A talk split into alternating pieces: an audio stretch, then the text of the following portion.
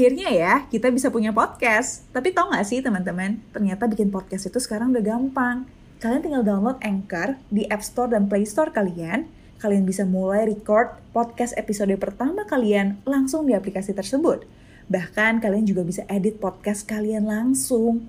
Melalui Anchor, podcast kamu akan didistribusikan ke podcast streaming platform seperti Spotify, Apple Podcast, dan lain-lain.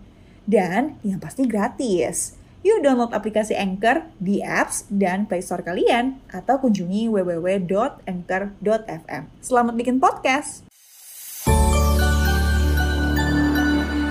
Hey, welcome back. Semoga belum bosan ya cerita-cerita sama aku.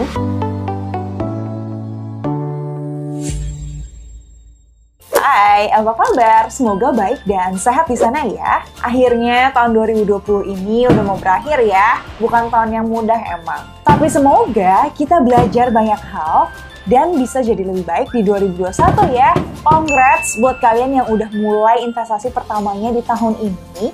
Eits, tapi semoga dana darurat dan asuransinya nggak ketinggalan ya. Nggak bosen-bosen aku ingetin, ngatur uang itu kayak bangun rumah. Investasi itu emang asik, kayak milih sofa, TV, kitchen set itu emang lebih seru. Tapi yang paling penting dalam ngebangun rumah itu adalah pondasinya. Pondasinya harus kuat, biar rumahnya kokoh, biar rumahnya nggak roboh. Pas badai, say hi. Nah, kalau dua pilar pondasi keuangan itu tuh namanya dana darurat dan asuransi. Ini dua tuh harus punya dulu sebelum kita berinvestasi. Kalau dana darurat cenderung lebih gampang ya kayaknya, karena konsepnya tuh simple sebenarnya. Mengumpulkan sejumlah uang untuk berjaga-jaga. Kalau-kalau ada kondisi darurat seperti di PHK, kecelakaan, atau laptopnya rusak. Nah, aku pernah jelasin super detail tentang dana darurat di video ini ya.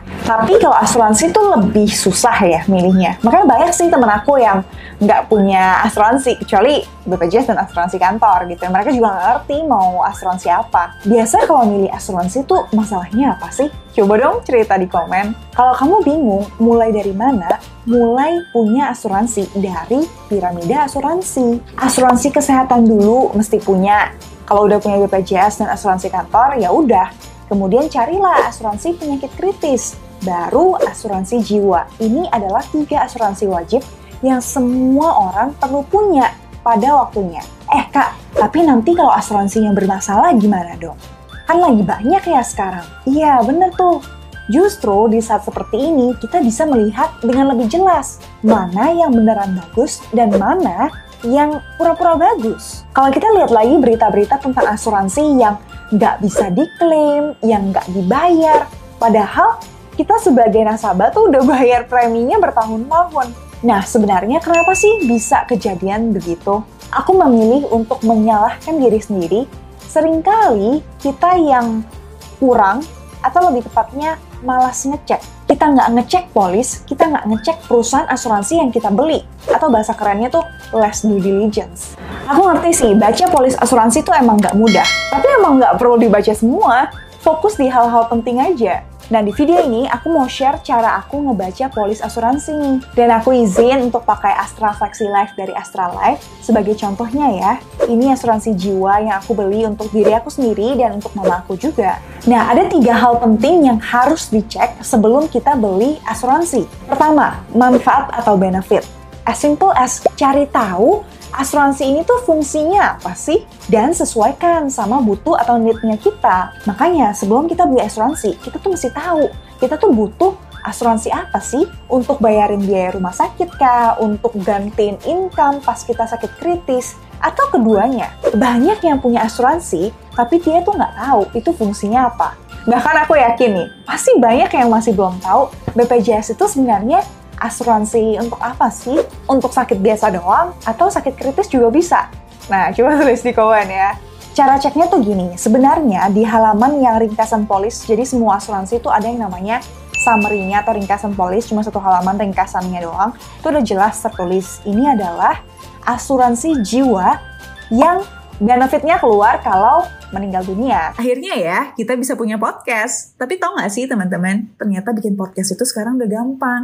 Kalian tinggal download Anchor di App Store dan Play Store kalian. Kalian bisa mulai record podcast episode pertama kalian langsung di aplikasi tersebut. Bahkan kalian juga bisa edit podcast kalian langsung. Melalui Anchor, podcast kamu akan didistribusikan ke podcast streaming platform seperti Spotify, Apple Podcast, dan lain-lain. Dan yang pasti gratis. Yuk download aplikasi Anchor di apps dan Play Store kalian atau kunjungi www.anchor.fm. Selamat bikin podcast. Nah, buat teman-teman yang sudah berkeluarga atau punya tanggungan, ada seseorang yang bergantung dari penghasilannya kalian nih, wajib banget punya asuransi jiwa. Ya, biar kalau misalnya kita amit-amit kenapa-kenapa, ada uang dari asuransi jiwa yang akan cair dan kasih ke orang yang kita tinggalkan biar mereka tetap bisa hidup dengan baik. Nah, kalau di polis ini uang tanggungannya tuh 1 miliar. Jadi kalau amit-amit aku meninggal nih, bakal keluar 1 miliar yang dibagi ke tiga penerima manfaat atau ahli waris ini. Nah, satu miliar ini karena aku butuhnya segitu doang tuh, sesuai hitungan aku. Nah, kamu bisa hitung sendiri tuh, kamu butuhnya uang pertanggungan berapa. Aku udah ceritain cara hitungnya di video yang ini. Terus kita mesti cek lebih dalam lagi. Manfaatnya segini, terus gimana nih cara klaimnya? Gimana kita bisa klaim? Ini tuh udah dijelasin detail di pasal 12 Uh, semua dokumen yang diperlukan untuk klaim dan klaimnya nggak boleh terlalu lama teman-teman maksimal 90 hari setelah meninggal terus ada juga dijelaskan ada beberapa jenis uh, meninggal yang nggak ditanggung seperti bunuh diri dan karena tindakan yang melanggar hukum mungkin kalau ditembak dalam proses buron gitu kali ya maksudnya.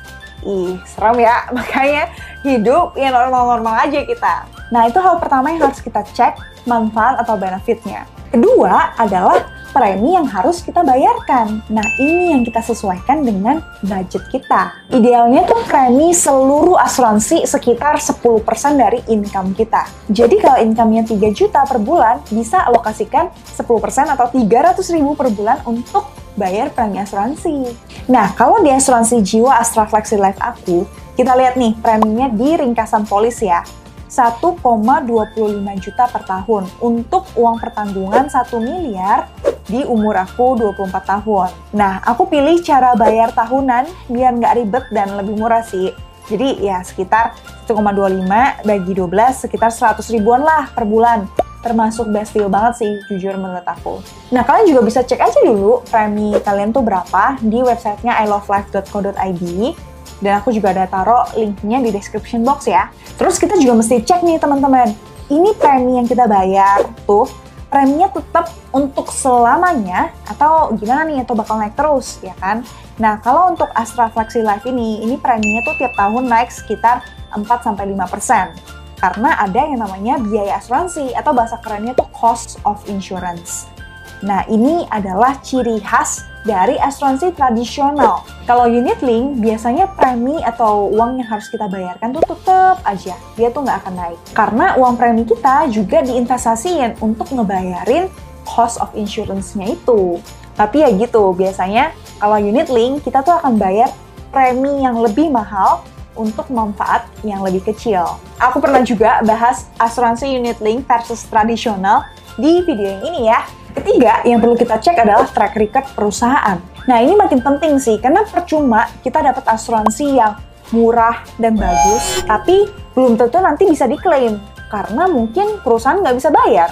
Ini lebih nyesek lagi sih, apalagi kalau kita udah rajin bayar premi. Salah satu indikator untuk ngecek apakah perusahaan asuransi ini nantinya bisa bayar atau enggak, itu tuh namanya RBC atau Risk Based Capital. Jadi OJK udah mewajibkan semua perusahaan asuransi itu RBC-nya mesti minimal 120%. Semakin tinggi RBC-nya ya semakin baik dan semakin aman. Nah ini aku coba kutip data dari CNN Indonesia yang udah ngerekapin 20 perusahaan asuransi yang paling kuat di 2020 berdasarkan RBC-nya. Nah, asuransi dari Astra Life yang tadi kita review, puji Tuhan masuk ke top 20 ini dengan RBC 422%. Jadi habis ini boleh juga tuh ngecek perusahaan asuransi kalian tuh RBC-nya berapa untuk menghindari hal-hal yang tidak diinginkan di kemudian hari. Jadi setelah ini mesti ngapain nih kak? Pertama cek dulu kamu tuh butuhnya asuransi apa dan uang pertanggungannya berapa. Aku pernah bantu jelasin cara ngitungnya dan cara tahu kamu butuh asuransi apa di video ini. Terus, kamu kan udah tahu nih, kamu butuh uang pertanggungan berapa. Misalnya satu miliar gitu ya. Terus kamu compare beberapa asuransi yang uang pertanggungannya 1 miliar. Kemudian pilih yang preminya sesuai dengan kantong. Ya idealnya 10% dari income lah. Misalnya income 10 juta ya premi seluruh asuransi alokasikan 1 juta per bulan. Nah sejauh yang aku riset, asuransi jiwa Astra Flexi Life ini memang yang paling murah sih. Makanya aku juga beli untuk mama aku. Kalau kamu ada nemu asuransi jiwa yang lebih murah dari ini, tulis di komen ya biar kita bisa belajar bareng-bareng. Kebetulan di Desember ini, ilovelife.co.id ada promo akhir tahun nih buat kamu yang beli asuransi jiwa Astra Flexi Life dan asuransi penyakit kritis Flexi Critical Illness-nya. Bisa pakai kode referral aku untuk dapat cashback hingga 1 juta ya. Detailnya ada di description box. Semoga bermanfaat dan pastikan kamu sudah terproteksi dengan asuransi untuk mengarungi cerita di 2021 ya. Thank you for watching and see you di video yang lain. Bye-bye!